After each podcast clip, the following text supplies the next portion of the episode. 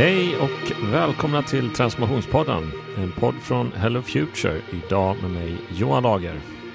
Vi på Hello Future har en ambition att dela med oss av så mycket kunskap som möjligt om hur man jobbar systematiskt med innovation i stora organisationer.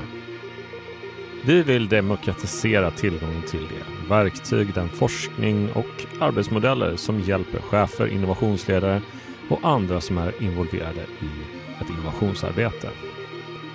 Det gör vi inte minst genom denna podd och vår engelska systerpodd Innovation Explorers där vi intervjuar svenska och internationella gäster.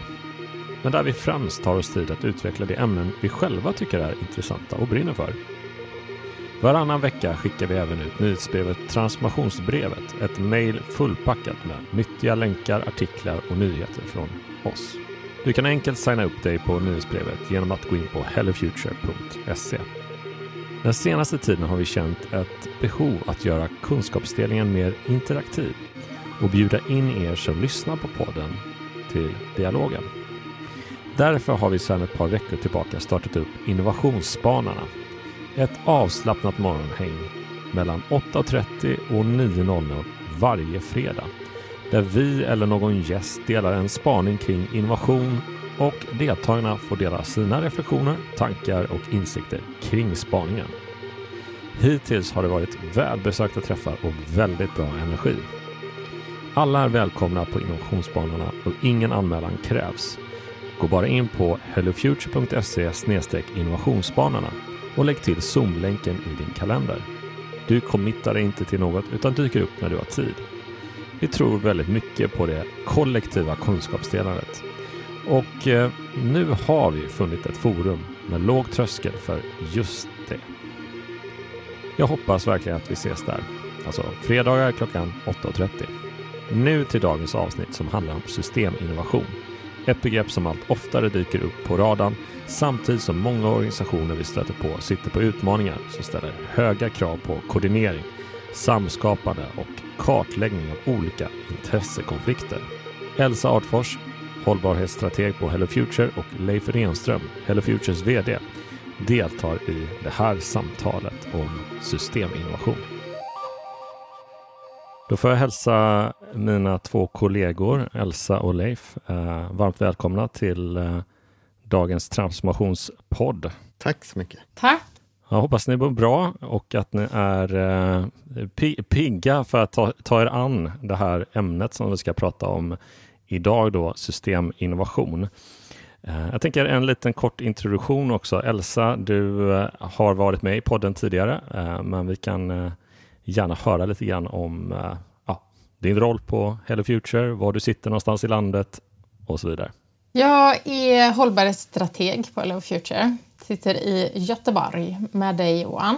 Mm. Det här ämnet som vi ska prata om idag, det är ju vi kommer ju säkert komma in på det, men det, det är ju väldigt kopplat till hållbarhetsutmaningen på många sätt. Liksom, och mm. därför tycker jag också att det är väldigt intressant.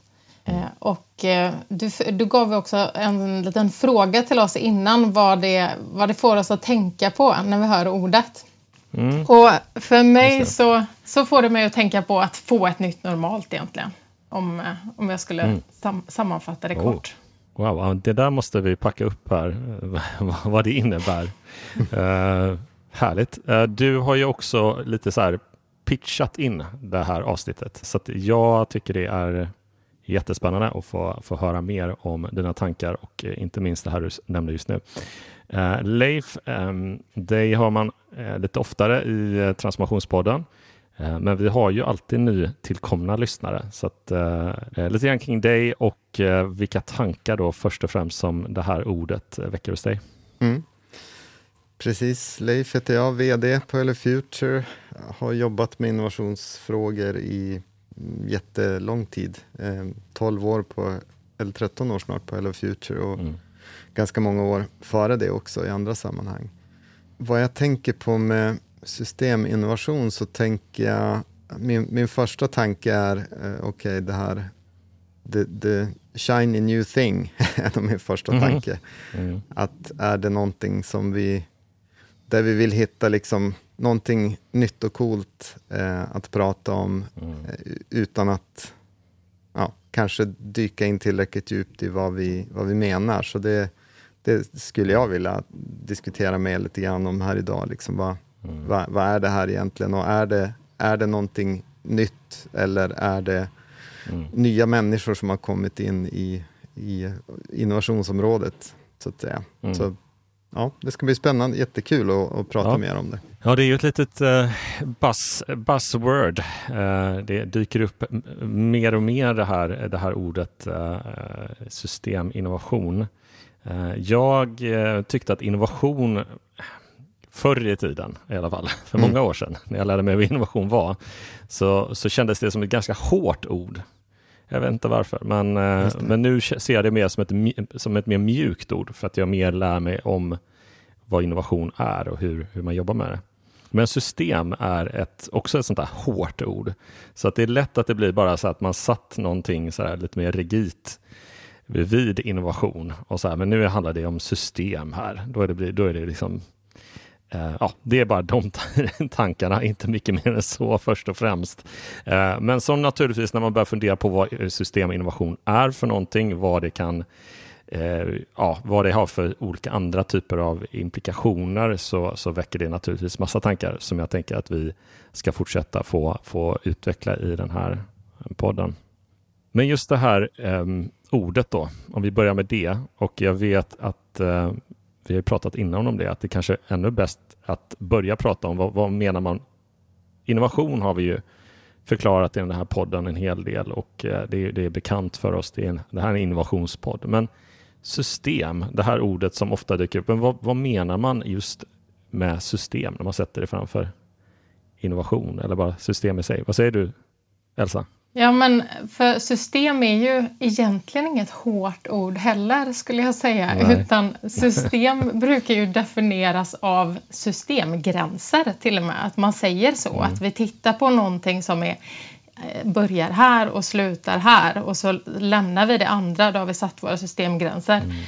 Mm. Eh, men det man kan säga också med system är ju att det finns någonting i system som man brukar lämna som svarta boxar nästan. Att man ser att det är någonting som kommer ut i den här boxen och, som kommer in i den och något som går ut och så struntar man lite grann vad som händer i den boxen.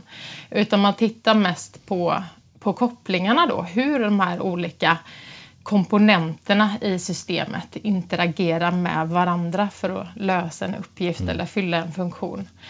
Så det skulle jag säga är liksom definitionen av ett system är komponenter som interagerar med varandra, som har relationer med varandra. Men i det här fallet, när man pratar systeminnovation, och det här är ju en liksom gissning, måste man ju säga, eh, och, och, det är också lite grann meningen med den här podden då att reda ut det, men när man pratar systeminnovation, då tror jag att det är en ganska bred eh, samsyn om att man menar att boxarna är aktörer i systemet. Att det är det mm. som, som gör det komplext också för att vi kan inte riktigt veta vad som händer i de där svarta boxarna på samma sätt som om det är komponenter i en motor eller en, eh, Nej, någonting annat tekniskt. Liksom. Mm. Det var väl en ganska tydlig definition ja. ändå. ja, det var det. Ja. Vill Leif eh, tillägga någonting på premissen av att vad vi menar med system innan vi sätter det framför innovation? Ja, ja precis. Och det är väl det här som, är, som jag är, är liksom tveksam till om systeminnovation i sig är liksom en, en ny form av innovation eller om det är, mm. är innovation på ett system. Alltså, vi kan applicera innovation på tjänster eller på produkter eller på processer. Och min bild av det är väl att här applicerar vi innovation fast på ett system. Mm. Eh, så det är så jag tänker att det är, snarare än mm. som det kan låta ibland, ett helt nytt sätt mm. att jobba med innovation. Mm. Eh, så mm. det, ja, så skulle jag mm. se det, att, att snarare att, att vi, vi applicera innovation på ett system helt enkelt. Men det går tillbaks lite grann till varför det här begreppet eh, har mer och mer kommit upp till ytan och används mer. Det vill säga, okej, okay, är det ett nytt typ av eh, ett nytt sätt att göra innovation på som vi behöver lära oss? Kan du utveckla det lite grann Leif, där kring, eh, eller vill, vill Elsa, El, Elsa bidra med Nej, en tanke jag, tänkte, jag tänkte bara säga någonting om det här med att det är, du har blivit en bass, liksom, som du säger. Det skulle mm, mm. jag ju säga har att göra med just eh, hållbarhetsfrågan, att vi vi ser att vi kan liksom inte lösa de här problemen genom att optimera och finlira med de här olika komponenterna i systemet utan vi behöver någonting som är mer omvälvande, som rör runt mer i, i systemet mm. av aktörer som vi har. Det är nog därför jag tycker att det är intressant också för att det är ett ord, lite som Leif är inne på. Man, mm. man har satt ett ord som låter så här, men det här låter konkret. Nu vet vi mm. vad vi vill ha, men egentligen så skulle jag säga att det är mest en sån mm. eh, call to action av någonting som är mer omvälvande. Men också ett erkännande av att optimeringsspåret är inte tillräckligt. Och mm. bara det tycker jag är, är egentligen bra nog, mm. det erkännandet mm. just. Vad menar du med, eh, med optimeringsspåret bara för, för att klargöra det lite grann? Är, är det så vi lite har, eh, har en approach till innovation, att, att optimera en specifik sak som vi vill liksom, öka värde på eller förändra? Eh, och ja, det räcker inte, alltså, det är det du är inne på. Ja, precis. Att det är liksom om man skulle om man skulle likna det med ett system som vi kan förstå som en bensinmotor så ser vi någonstans att det är omöjligt att optimera bensinmotorn till den graden att den inte har några utsläpp alls. Utan då måste vi Nej. ha någonting annat där istället för en bensinmotor. Mm. Ja, men precis. Och jag, eh, det, det jag tänker när jag tänker systeminnovation är, och det jag förstår, jag, jag har läst mm. ganska mycket om det och lyssnat mm. på mycket poddar och annat för att försöka verkligen förstå om är det här, vad är det som är nytt i det här? Mm. Och det som min bild av det är att det finns två saker. Dels är det i liksom vart vi, just att vi applicerar på ett system och för att kunna göra det överhuvudtaget då så behöver vi kunna någonting om system och det är där liksom systemteori kommer in. Och jag håller helt med mm. att det är verkligen utifrån hållbarhetsperspektivet som, som det är superrelevant att jobba med system. Eh, men det kan mm. även vara ja, hållbarhet utifrån sociala perspektiv och äldreomsorgssystemet och så vidare. Vi har ju massa sådana utmaningar som är mm. Systemutmaningar. Men det nya som jag ser det är just det här att vi, vi behöver kunna saker om system för att kunna göra innovation mm. på system. Så i liksom mm initiala delarna när vi ska eh, jobba med, alltså ens kunna definiera vad det är för utmaning vi har, så behöver vi mm. ha med oss kanske lite annan kunskap än om vi gör en tjänsteinnovation. Mm.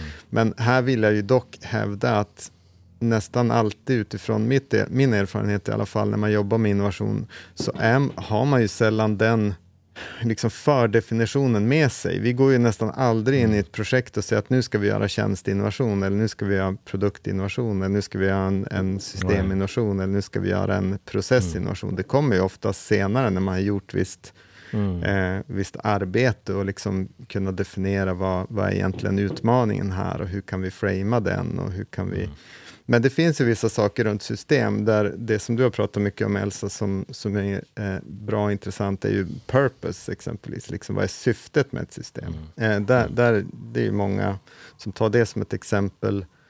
Eh, att man kan, menar, ett exempel som ofta dyker upp är runt ehm, eh, hemlöshet. Att om vi har ett härberge exempelvis som skulle vilja jobba med innovation så skulle det då, då är det, det här en, ska jag säga, en teoretisk, jag har aldrig sett att det här är faktiskt så här på riktigt, men teorin Nej. säger då att, eller exemplet säger att då skulle de optimera antalet liksom, platser för att ta emot hemlösa människor.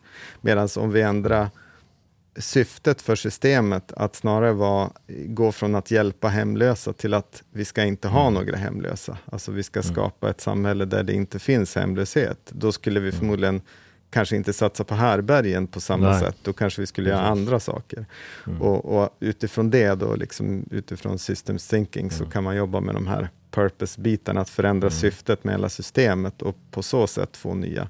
Men mm. det som, eh, och det är ju bra, tänker jag. Men jag mm. tänker att det mm. inte är så stor skillnad egentligen mot för det vi jobbar med i alla innovationsprojekt, att på något sätt mm. försöka förstå problemet och framea någon typ av, vad är det för utmaning vi jobbar med och hur kan vi, hur kan vi se den annorlunda och hur kan vi sen lista ut vilka är det som, vad finns det för stakeholders i det här. Mm. Alltså så tänker vi ju oavsett om, vi ens, om det i slutändan blir en produkt eller en, ett system eller vad det än är. Mm. Um, så ja, det är lite sådana saker som jag har mm. gått och tänkt på. Är det, mm. vi, vi, tar in systemteori, ja såklart, för det måste vi göra om vi mm. ska jobba med system, men är det en helt an, blir det en helt annan typ av innovationsprocess för det? det? Den är jag lite Nej, det är inte så säkert. Mm. tveksam till. Det är också det som eh, du pratar om Leif nu med då, att man liksom har bestämt sig lite grann för hur man ska ta sig an ett problem mm. redan innan man vet tillräckligt mycket om det. Det kan man ju faktiskt också se eh, på att eh, väldigt många utlyser samverkan och samverkansprocesser mm. och att mm. man gör det jag menar inte att det är liksom dåligt för det är ju då en sån sak som man behöver för att mm. lösa ett mer systematiskt problem. Men att man utlyser det innan man ens mm. vet vad det är för problem man ska lösa. Alltså det, mm. det är ju de flesta mm Vinnova-ansökningar nu till exempel, de mm. säger det från början. Det ska vara massa aktörer. Du vill, mm. Vi vill ha många aktörer med i samma projekt oavsett mm. vad det är för någonting. Mm. Precis. Så, ja. ja. men exakt, och det, det, är nog där det, det skaver för mig med systeminnovation. Mm. Just för att det, blir, det, det känns nu kommer jag bli så jäkla opopulär i hela Sverige för att jag säger det här, men det, det känns som att eh, alla som bryr sig om innovation i alla fall, men det känns som att det kommer lite mm. grann från ett ställe eh, med människor som inte praktiskt jobbar med innovation, utan man kanske snarare administrerar innovation eller administrerar ett innovationsekosystem eller någonting sånt, och man vill gärna kontrollera det här systemet på något mm. sätt. Och nu ska vi sätta systeminnovation på det, för jag vill vara med och, och liksom sätta min mm. stämpel på det. Nu kanske jag drar lite väl långt, men, men mm. mm. det, det, känns som att det kommer mycket därifrån, eh, snarare än från folk som jobbar praktiskt med innovation. Jag, jag har hört det mm. väldigt sällan från folk som praktiskt jobbar med innovation, att, att mm. systeminnovation är något liksom helt annorlunda. Utan det kommer snarare ja, det. från, mm. jag menar, Vinnova pratar mycket om, eh, om att eh, innovera hur vi innoverar exempelvis, utifrån mm. att ett mm. systematiskt perspektiv. Och jag köper inte det. jag gillar inte Vinnova, jag gillar människorna som jobbar där, men jag köper mm. inte den grejen, för att eh, såklart måste vi alltid utveckla hur vi jobbar med innovation. Det, det är klart vi ska mm. göra det, det har vi gjort under all, alla tider. Liksom. Men det är inte så att det blir någonting helt nytt, för det som, eh, det som vi har pratat om lite utanför det här avsnittet också, eh, är ju att risken är ju då att innan man ens har lärt sig vad innovation mm. är och att bara jobba med innovation, så är det som att nej, men nu ska jag iväg till någonting mm. nytt. Nu är det systeminnovation jag ska göra och nu ska vi samverka och alla utlysningar blir så här att ja, men nu ska 30 partners som aldrig har jobbat med innovation ta sig an mm. ett wicked problem och göra systeminnovation. Och för mig känns det oerhört dumt. Alltså det, mm. det, det, känns att börja med det svåraste man kan göra, där kanske ingen av de enskilda parterna ens har, har något sätt att jobba med innovation idag på ett ett strukturerat, systematiskt och bra sätt, mm. så blir det lite grann som att vi bara... Vi, alltså vi kan inte pola resurser, för att vi, mm. om alla hade innovationskapacitet kunde vi pola ihop, och nu jobbar alla våra mm. innovationsresurser ihop då, liksom försöker göra något, men då måste man ju först ha det och ha byggt upp den, den mm. muskeln liksom, och den kunskapen. Mm. Ja, men för, men en, en, annan sak som, eh, jag måste ju ändå lägga in lite bra saker känner jag nu här, att det finns mm. bra mm. saker med att man, där det här har kommit ja. upp till ytan. Och mm. en sån sak som jag tycker är, är bra med det, det är att när man får lite mer kunskap om wicked problems till exempel, alltså väldigt mm. komplexa mm. problem, eh, då, då vet man också att vi kan inte sitta i, i, bakom skrivbordet och lista ut hur vi ska lösa de här problemen. Nej. Utan vi får gå på någon idé och sen så får vi testa den på en begränsad skala och så får vi se hur det funkar för det är det enda sättet vi kan lära oss mer om de problemen. Och det börjar man ju också se mycket mer om. Alltså att man söker testbäddar och eh, demonstrationsprojekt och så vidare. Och det kommer ju från den tanken, den insikten om att vissa problem är för komplexa för att lösa på något annat sätt. Och det är också positivt med det. Den mm. finns. Men det är ju å andra sidan ingen skillnad mot för all innovation. Man måste ju testa sig fram för att komma mm. fram till någonting. Alltså det är ju det är på något sätt grunden i att, alltså just det här utforskande arbetet. Och det, det, det som jag tänker runt systeminnovation då är att det är egentligen två komponenter man vill föra in i, i det så att säga vanliga, alltså det som beskrivs av ISO 56000 innovationsstandarden. Till, till det så lägger vi två saker och det är att vi måste ha lite specialkunskap om system, alltså lite systemteori mm. i, i, i ett tidigt skede för att ens lista ut mm. vilka ska vara med och hur framar vi den här liksom purpose eller mm. Hur framar vi problemet? Och, och sen ser jag det också i att man vill gärna, man har en önskan om att det här ska kunna skala stort i systemet. Mm. mm. Eh, att man vill inte se, man pratar ofta om att man inte vill se att någon, ja, men kanske någon kommun gör någonting i något hörn som blir bra, men hur ska resten av liksom, de andra 300 mm. kommunerna kunna göra det här. Så att det mm. finns, liksom, i, i, ett tidigt skede vill man föra in systemteori och i, i, slutet på det vill man hitta en skalbarhet på det. Mm. Sen har jag dock inte sett några egentligen liksom, specialverktyg för hur just mm. systeminnovation skulle åstadkomma det, annat än att det är den här liksom samverkanstanken på det. Och det, absolut, det, kan, det underlättar ju säkert att många är med och tar del och känner ett ägarskap i, i resultatet. Så det, det, är säkert en, en, en, bra sak, men det är inte, tror jag, en, en liksom, något som mm. löser sig av sig själv. Jag, jag, jag har tänkt lite högt eh, på det här, varför det här blir så viktigt just inom offentlig sektor. Att få, just få det här perspektivet är ju att liksom, teori kring innovation och eh, hur, den, hur det utvecklas, forskning och goda exempel kommer ifrån eh, näringslivet, eh, från entreprenörskapet, från nya idéer, från nya, inte minst numera nya startups som har en eh, det är därför jag tycker din, din äh, metafor där om, äh, om det här äh, hem, boendet för hemlösa det är bra för om man ser det på att ja, men jag och mitt bolag, jag ska bygga, jag ska växa snabbt på den här innovationen, eh, så vill jag främst bara, liksom, jag har min kund, jag har min marknad, jag har mina konkurrenter eh, och jag vill utveckla någonting som disruptar den, den marknaden på något sätt. Eh, men om man har det tänket för mycket inom offentlig sektor, då blir det liksom det här att optimera eh, kvaliteten på ett visst eh, ett, ett boende och inte det som, som, som du var inne på där att se liksom utöver det. Ja, men är det verkligen det som är de värdena? Är det inte ändå ett, ett annat typ av samhälle? Eh, och då behöver, då, då ligger det här problemet, så att säga, den här utmaningen hos eh, flera aktörer eh, för att vi skulle kunna skapa den här lite större samhällsförändringen.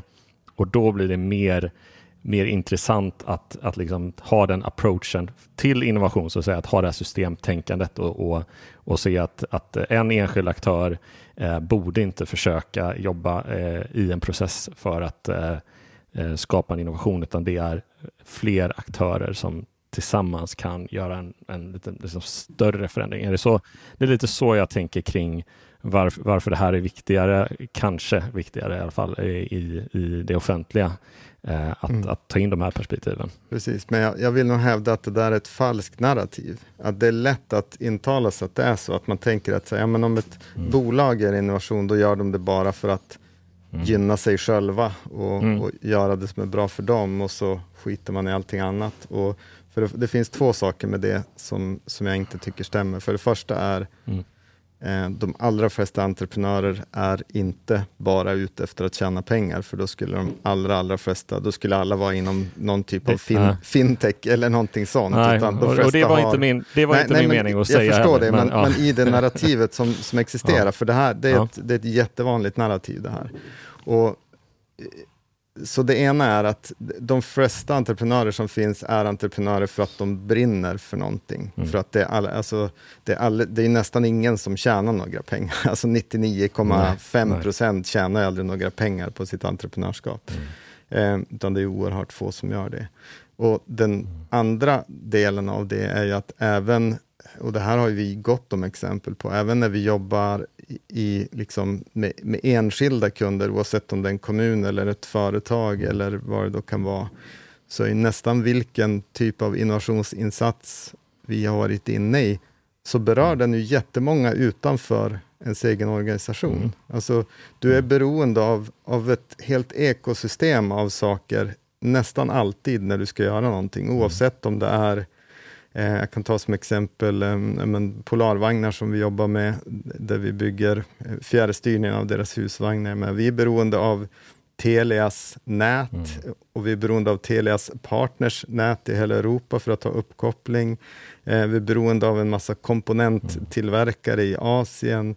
Vi är beroende av Apple och eh, Googles operativsystem för mobiltelefoner och så vidare. Alltså det finns massor och massor mm. och massor av saker, även om man kan, man kan luras att tro att nej men ni gör ju bara en, en produkt som är fjärrstyrning av husvagn, men grejen är att det, det är aldrig en sån, det finns nästan ingenting, tycker jag i alla fall, som vi rör som är så straightforward och så enkelt, utan nästan allting är beroende av något typ mm. av ekosystem som finns. Så man, man måste mm. liksom alltid ha, ha med sig en massa mm. partners som, som inte är ens interna resurser. Och, och utan det, det, finns, äh, det finns så mycket beroenden i nästan hur liten sak man än gör. Och, och det är ofta det, skulle jag säga, som kanske innovationer faller på också, att de är, det är så pass komplext. Man kanske mm. tror man kanske har bilden av att det ska vara någonting enkelt från början, som man styr över helt själv, men mm oftast så handlar det, när någon har lyckats, så har de ju nästan alltid lyckats influera andra att liksom hänga på mm. sin grej. Och man kanske också har mm. behövt, ja men ta bara spark, elsparkcyklar som exempel.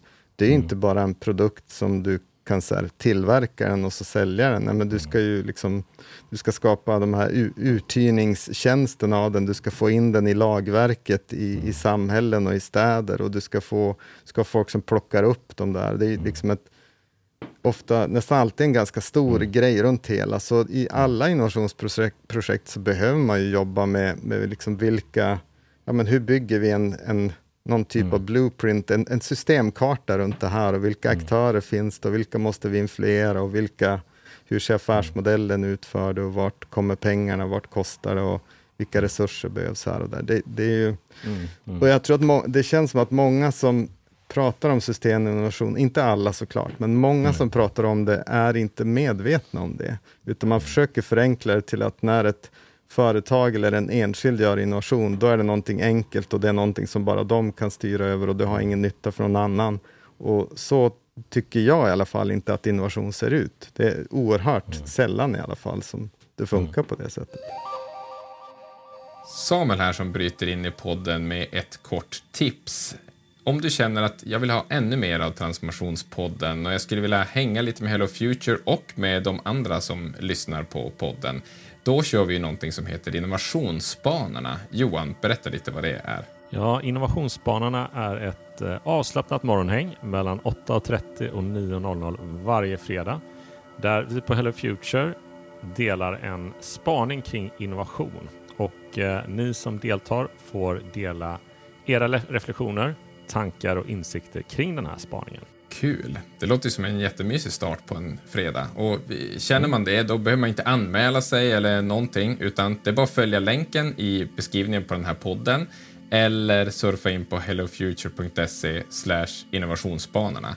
Så är det bara att lägga till möteslänken där och eh, hoppa in på en fredag då det passar. Så hoppas att vi ses någon gång i framtiden på innovationsspanarna. Nu åter till podden. Nej, jag, eh, jag, bara tänkte på också det här um, som ni sa för ett tag sedan med skalbarhet. Du sa det Leif, mm. att man är ute mm. efter skalbarhet. Vad tycker ni om det? För att um, men anledningen till att jag frågar är ju för att om man tittar tillbaka på när systemförändringar hänt då så är det ju en spontan process mm. eller dynamisk process som händer på grund av att det finns yttre påfästningar och sådär. Men, mm. eh, men det kan ju fortfarande vara ett litet frö som har sått det liksom. Att mm. eh, det är Alltså man planerade inte att göra den första persondatorn utan man planerade att göra en, en eh, var det, ett avkodningssystem eh, som Turing mm. gjorde. Eh, och det är ju inte så skalbart. Alltså det han gjorde var mm. inte så skalbart. Varför måste det vara skalbart egentligen från början?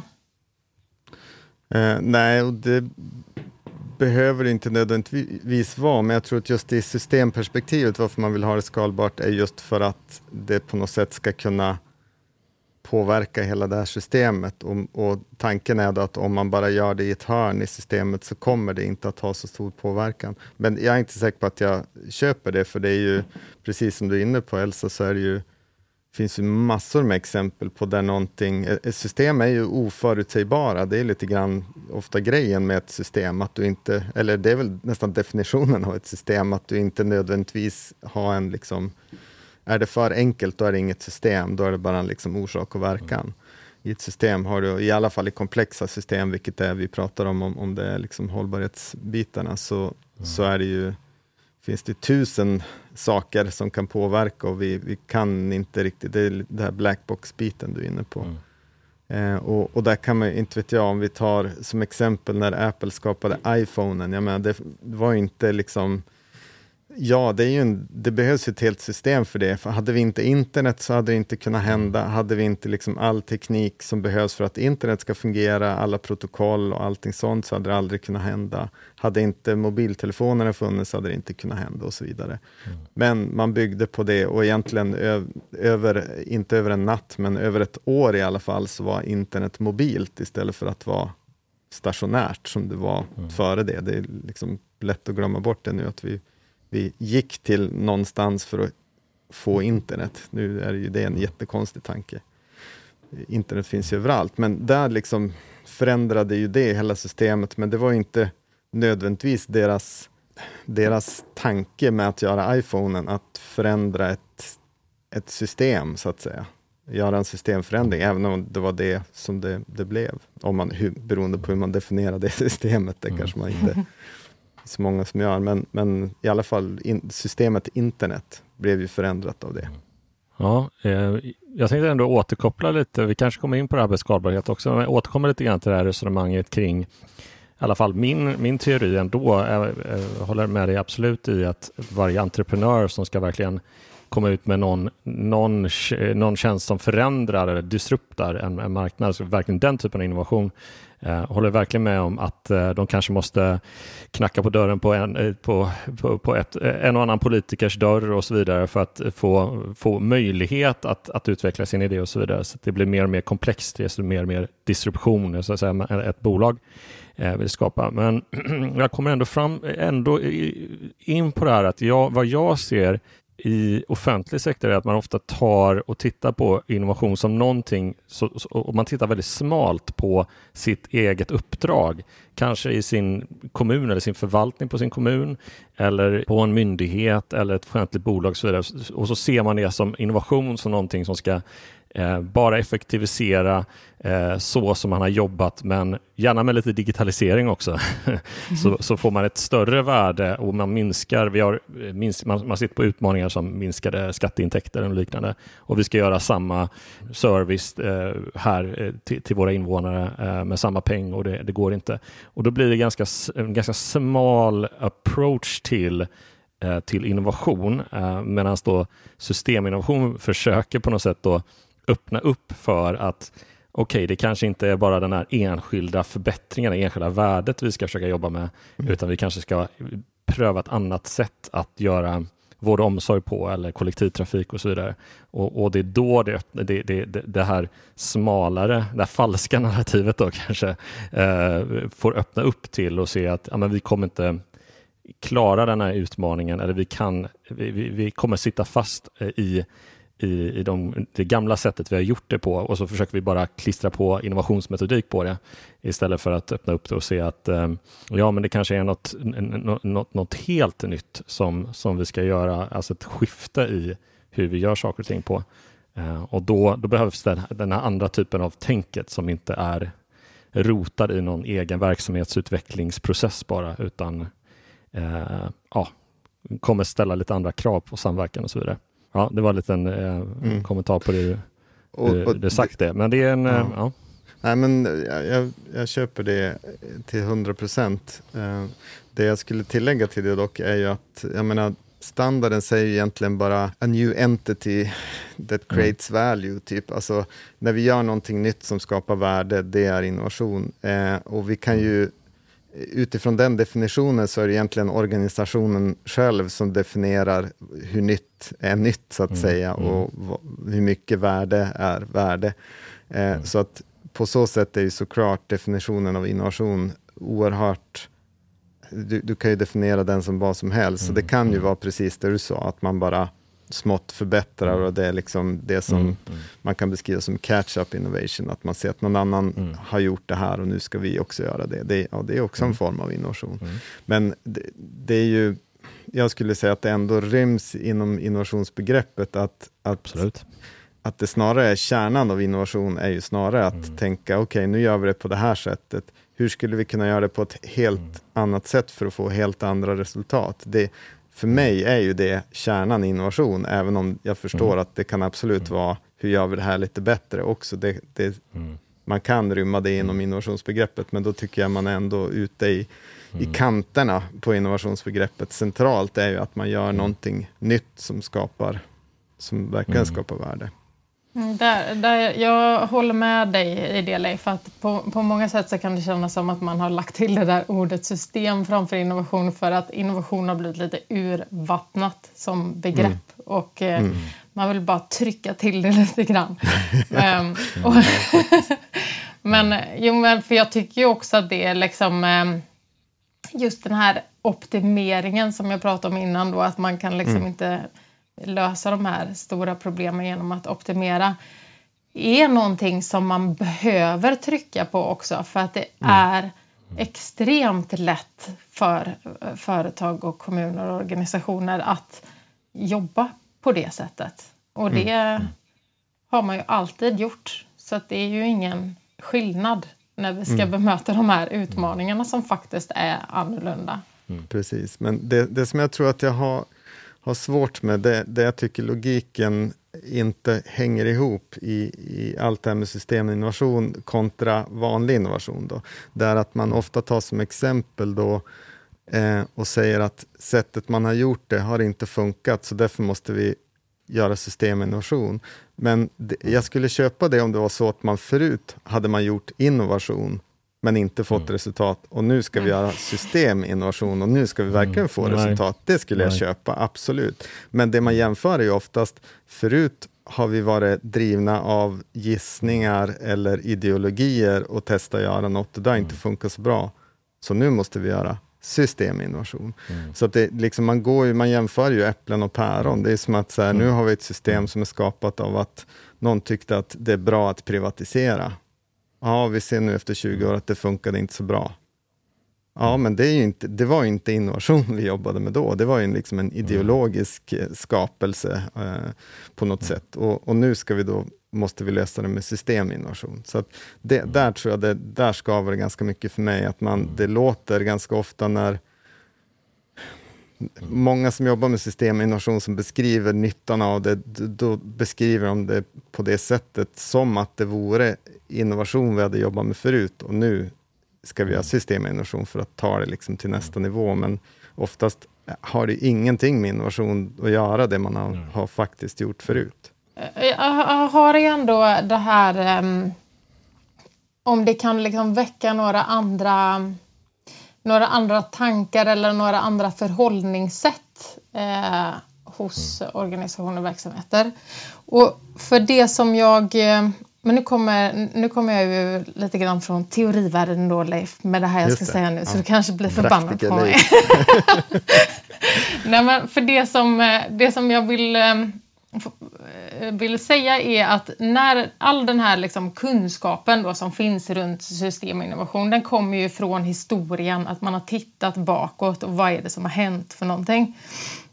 Och, och det man ser är ju att det har funnits någonting som har gjort det här nuvarande normala, det var därför jag sa i början att jag ser det som att få ett mm. nytt normalt, att det finns någonting som har gjort det nuvarande normala svagt på något sätt. Om det är ett globalt virus eller om det är krig eller om det är någonting som har försvagat det. Och då finns det plats för nya innovationer, flera nya innovationer många gånger som kan bygga ett nytt system.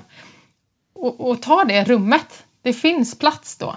Men att säga så här, nu vill vi ha systeminnovation utan att man är beredd att ge plats eller ta bort någonting som blir lite obekvämt eller mm. liksom ge sig in i det där som faktiskt har varit hela triggen historiskt. Mm. Eh, det, det är en utmaning. Mm. Ja, ja, precis. Och, och, också måste man vara beredd, eh, och det, det tror jag jag har saknat. Eh, jag tror min grundaversion mot uttrycket var nog för att jag såg egentligen ingenting nytt i hur ska man göra det här utforskande arbetet då? Alltså är det, är det ett speciellt sätt när man jobbar med systeminnovation? Men det är det jag inte ser, utan det är fortfarande get your hands dirty. Du måste komma med idéer, du måste liksom testa koncept, du måste liksom få respons och feedback på det och du måste testa och börja implementera lite och försöka tänka hur du ska skala. Allt det här som finns i, i alla innovationsprojekt, oavsett om de är liksom enkla eller svåra. Innovation är alltid svårt, men på, på något sätt mer eller mindre komplexa. Då. Eh, så, så där tror jag att det, det, liksom, det, det, skulle jag i alla fall vilja hamra in, att för alla som vill jobba med system och innovation, så kommer ni fortfarande att behöva lära er mm.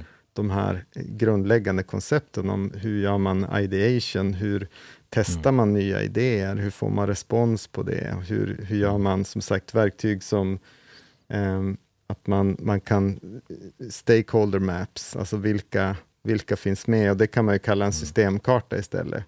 Men det är ju typ samma sak egentligen. Och likadant en, en systembild, ja men det är ju en, man kan ju kalla det en, en blueprint istället. Vilket är, alltså det finns jättemycket designverktyg och innovationsverktyg som redan existerar, som beskriver de här sakerna. Så jag tror att det mycket är att, att vi kanske måste det kanske, vi kanske måste få in fler systemtänkare i att upptäcka mm. de verktygen den verktygslåda som redan finns i innovation. Jag tror att det mm. är liksom, för mig är det det som det mycket handlar om.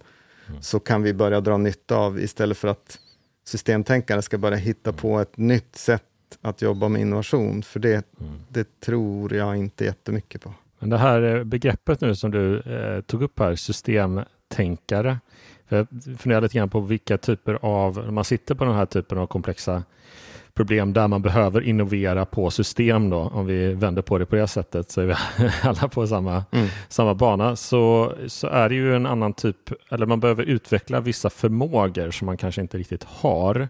Eh, och där är ju, det pratar man ju om då att, att vara duktig på eh, systemtänkande. Eh, och vad innebär det typen av tänkande eh, i, en, i en organisation? Eh, Elsa, vill du eh, jag ska börja. svara på den frågan. Det, var, det är en enkel fråga Johan. För, för, mm. Nej, det är faktiskt inte det. Nej. nej. men för att jag tror att det är också så här...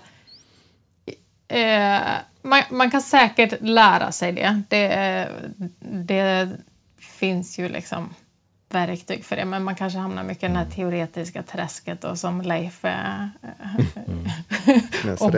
skickar ut en ja.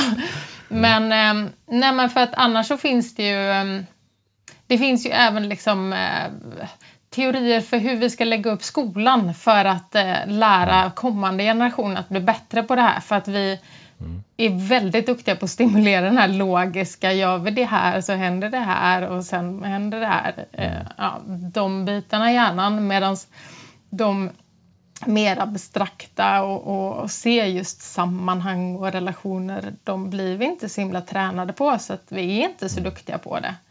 Men vi kan nog bli bättre på det och, och framförallt om vi ger, eh, ger större möjligheter också till de kommande generationerna att få träna på de bitarna. Frågan var egentligen vilka förmågor behöver organisationen? Mm. Leif, kan inte du bara svara på den ja. frågan? Ja, nej. ja, men jag tänker att du var inne på det från början, Elsa, med det här med vad, vad kan man tillföra då om man ska innovera på ett system som systemtänkare? Ja, men du hade ju massa saker som jag inte kan, men som du kan. Exempelvis där, hur ser man, vart ser man starten på ett system och slutet på ett system och, och hur, ja, men hur definierar man systemet och den typen av, alltså mycket saker som är viktiga att de finns kanske då i början på ett sån, en sån process mm. där man liksom framar man det fel så kanske man jobbar med helt fel saker sen. Så där, där tror jag det finns jättemycket i, i själva, ja men det som vi nog skulle traditionellt beskriva som att, att framea utmaningen. Det finns säkert något bättre svenskt ord för att istället för att säga framea, att ruta in utmaningen, ringa in utmaningen, ja, precis, något sånt. Eh, just, just för att få med liksom det systemperspektivet på ett bra sätt. Men, men jag, jag, har, jag har läst lite systemteoriböcker, men jag, jag kan verkligen inte mycket mm. om det. Jag är ganska trög, så jag behöver ofta läsa jättemånga böcker om mm. någonting jag, mm. innan det mm. börjar fastna. Så jag, jag vet inte så mm. himla mycket om det, måste jag säga. Eh, annat, än, annat än det jag mm. hört i innovationsperspektivet. Och det är egentligen det som jag... Jag är definitivt ingen systemteoretiker på långa vägar, utan Mm. Jag är mer en innovationspraktiker och jag försöker bara se liksom, vad, är, mm. vad är kopplingarna däremellan och, och vad finns det som är lika? Alltså det är mer det jag, jag har fokuserat på. Jag mm. tycker det, det finns mm. oerhört mycket som är lika. Det är nog snarare bara att vi måste liksom, visa varandra. Men titta, här finns ju redan ett verktyg som gör de här sakerna. Det kanske vi kan mm. använda istället för att hitta på ett nytt verktyg som vi ska kalla någonting mm. obskyrt.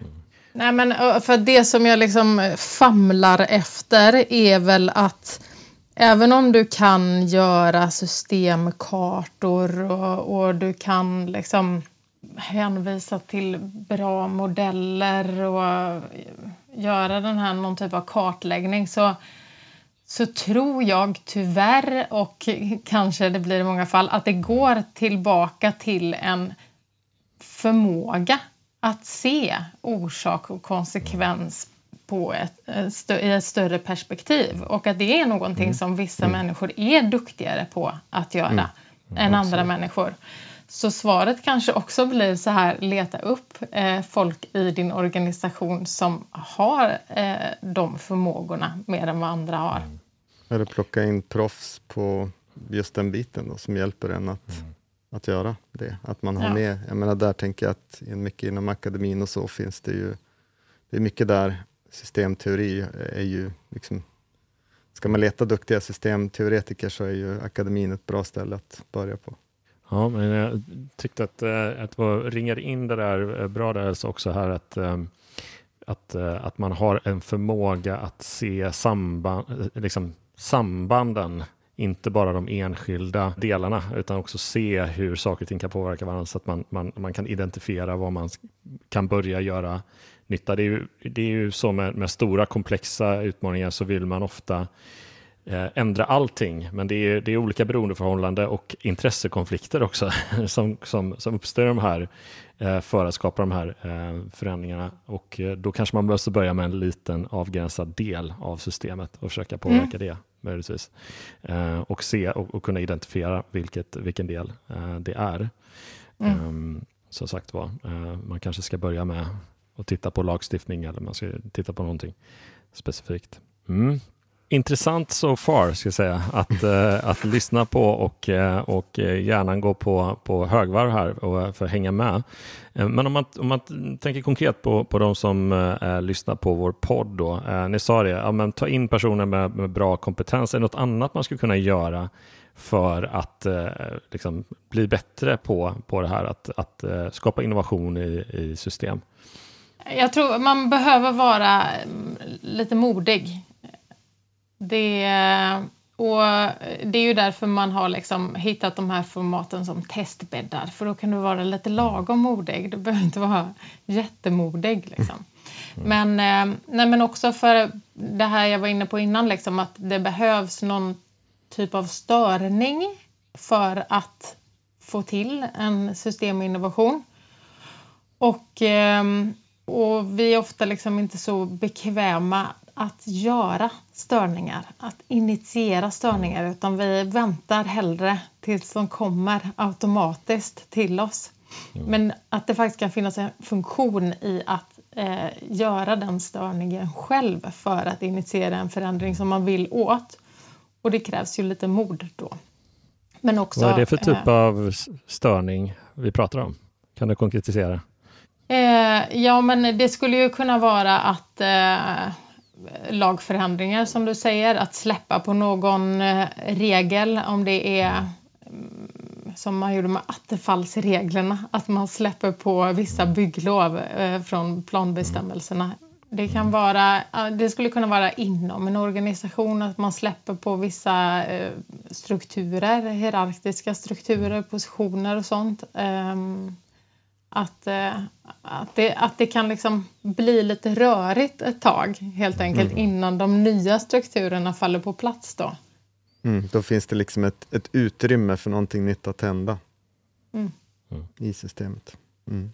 Och tänker du eh, på Leif, vad, vad man som organisation kan gå tillbaka och tänka på om man, om man ser det som att ja, men vi, vi är, är i ett beroende med, med andra aktörer för att skapa en förändring eller skapa eh, riktig nytta för den utmaningen vi har. Mm. Eh. Jag tänker så här, jag, jag tycker att jag vill inte ge någon människa eller organisation något frikort att säga att ja, men det här är ett system eh, det här kan inte vi göra någonting åt. Det köper jag inte. Man kan alltid påverka någonting och man får jobba med de sakerna man kan påverka och sen får man influera. Jag menar, det, det, är ju, det går, 100 procent. Så att det, det, är väl kanske det viktigaste egentligen som jag har tänkt på runt systeminnovation, att det får absolut inte bli så att, att det blir ett sätt för många att inte jobba med innovation, för att man tänker att men det där är, ett, det är systeminnovation och det är ju det är inte mitt ansvar, det är någon annan som ska göra innovation av hela det här systemet. Men det säger, ja, men du är ju en aktör i systemet och du måste ju dra ditt strå till stacken och göra någonting så att det blir bättre. Och jag menar, gör man någonting bra, är duktig på att kommunicera och visa det, så influerar ju det andra att göra bra saker och så kanske man får till en systeminnovation. Liksom, men det kan vara en bottoms-up-reaktion på samma sätt som att det kan vara en, en medveten liksom, systemdesign uppifrån.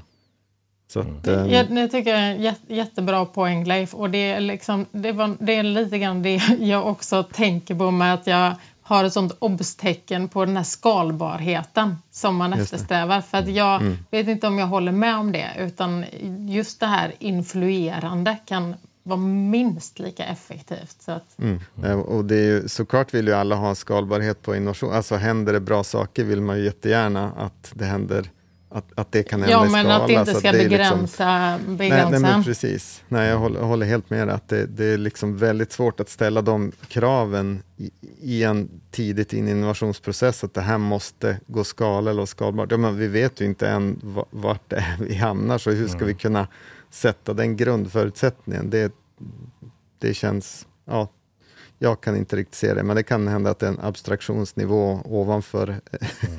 vad jag kan tänka mm. helt enkelt. Så jag säger inte att det är fel, men, men eh, jag håller med. Jag, alla kan göra någonting och det tycker jag är det mm. absolut viktigaste. Och som sagt, man, det får inte, systeminnovation får inte bli någonting vi gömmer oss bakom för att slippa göra, utan mm. det finns en standard för innovation. Jobbar vi efter den och vi tar in duktiga människor och, och tänkare och vi, vi vågar liksom se att allting har kopplingar till någonting annat, så vi kan, vi kan influera det, då, då kan vi göra bra saker. Oavsett om man är en kommun, en mm. företag, en region, vad än man är.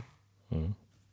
Men vi har jobbat med en hel del systeminnovation, skulle jag också säga, alltså innovation mm. av system.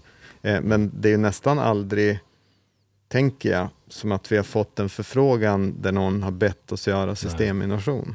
Nej. Ja, jag tänker inom turismnäringen exempelvis, där mm. vi har varit inne, så är ju det en typisk systemutmaning.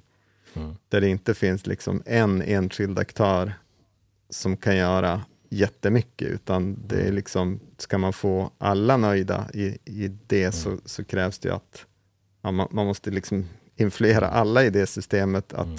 tweaka någonting för att helheten ska bli, mm. man ska få ett bra utfall på helheten. Mm. Ja, men men jag, jag, tänker på det här att både identifiera sin roll och även ta initiativ och ha mod att driva på saker. Sen är det ju det att det kanske inte ligger i ens ens auktoritet eller ens ansvar att, att driva på. Men som sagt influera, men också ett annat ord för, för att skapa samverkan och samskapande eh, med andra aktörer. Eh, och, och, och, på det sättet man har den samsynen så tror, är min övertygelse i alla fall att eh, man, man kommer göra mer i, i, i, i, i, i samma lag mm. eh, än att försöka skapa, göra sin del av systemet eh, lite bättre.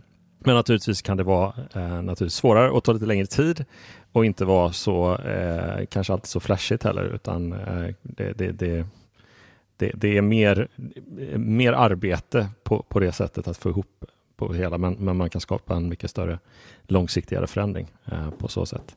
Ja, och någon måste, fortfarande, någon måste också fortfarande göra det praktiska jobbet. Det är det som är grejen. Liksom det, för det händer inte nödvändigtvis, bara för att man gör samverkan betyder inte det att om det är någonting vi inte har i våra organisationer idag, det är någon skill eller någon förmåga vi inte har idag, så behöver inte det betyda att vi får den om vi samarbetar med tolv andra som inte heller har den. Mm. Då får vi bara liksom 12 ja. gånger förvirring och, och det är väl det, mm. det jag tycker mig ha sett ganska ofta att i, i, i en viss typ av samverkansprojekt eh, så kan det ofta bli så att man man, ja, men alla delar sin så här, utmaning och frustration på något sätt, men det finns, väldigt, det finns inte kapaciteten i, i det, liksom, det klustret, eller vad man nu vill kalla det, mm. att faktiskt lösa den utmaningen som, som alla sitter med.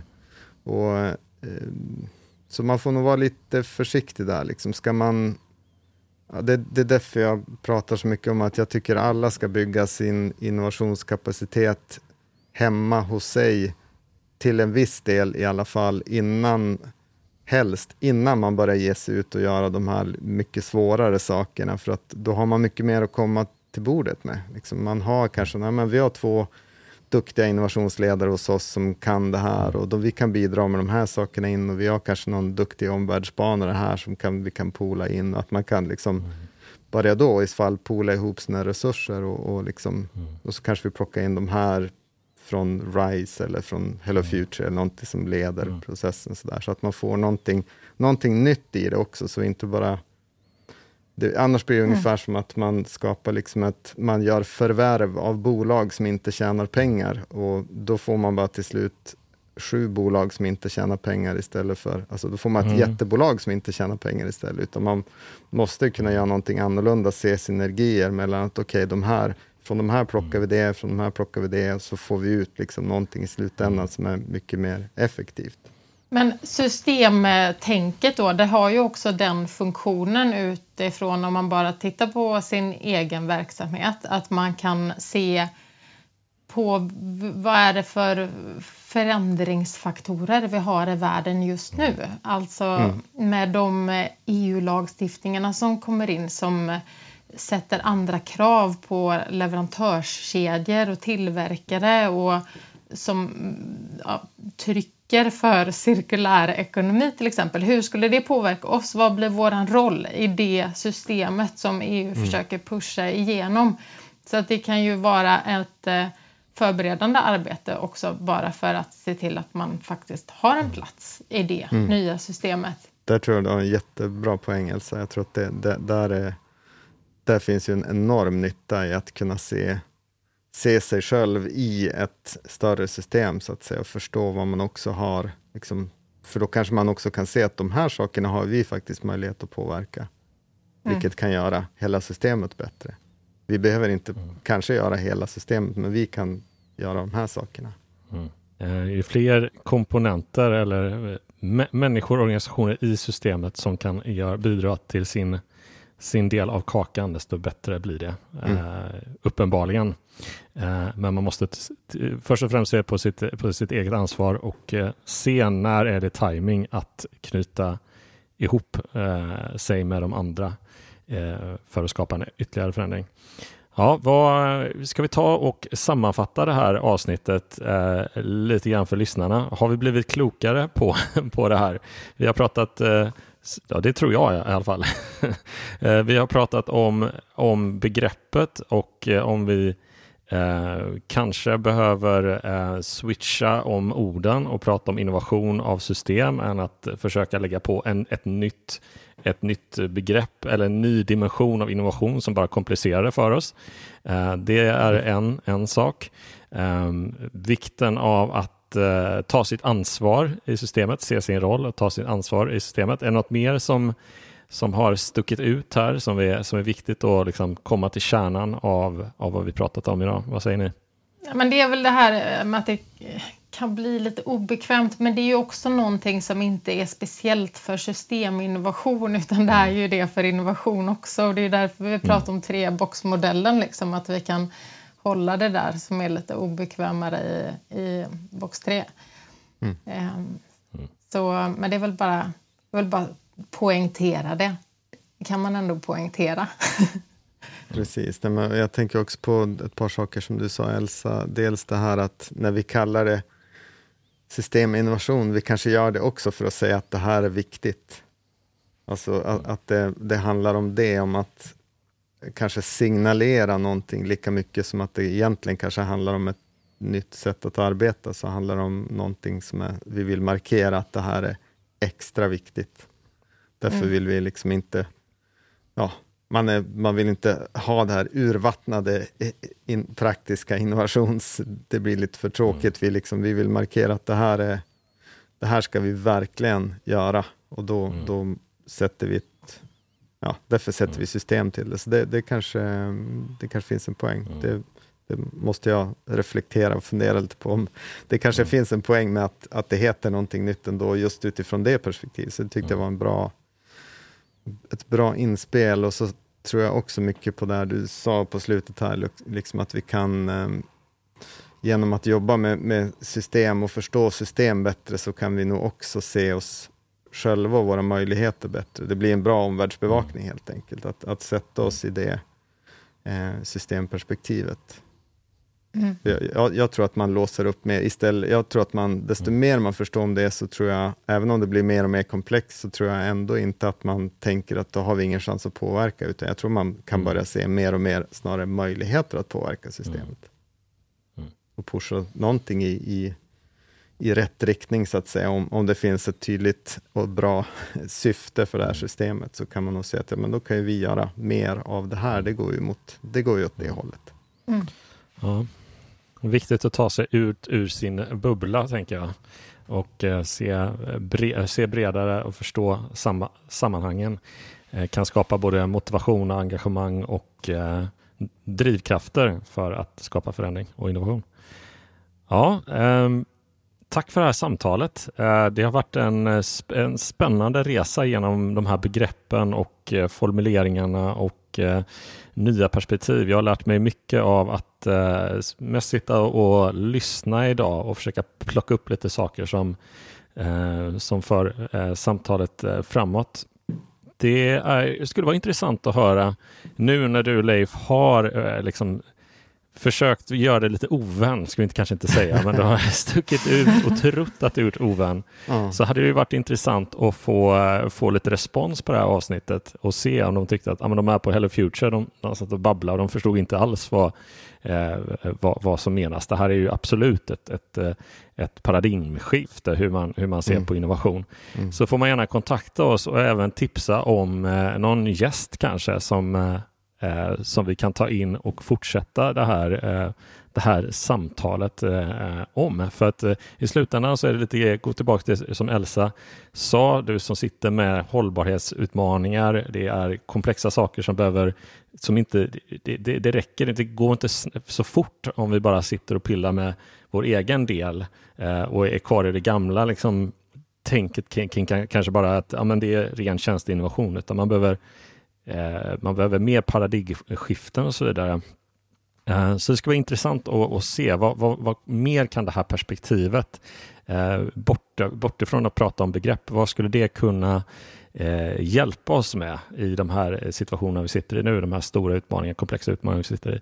Eh, sku, är, är det någonting som, som, som eh, som lägger bara en till, en till dimension som, som komplicerar för oss eller är det faktiskt någonting som kan föra oss eh, framåt eh, till att eh, förändra saker?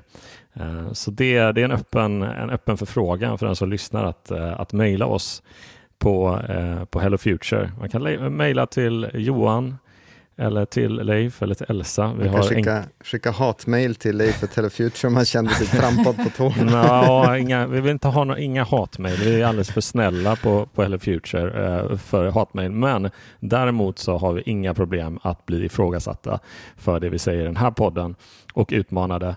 Eh, och eh, vi, vi, fortsätter att eh, både resonera och eh, filosofera och provtänka i den här podden, vilket eh, vi tror är ett bra, bra sätt att, eh, att lära sig på och eh, även utmana andra.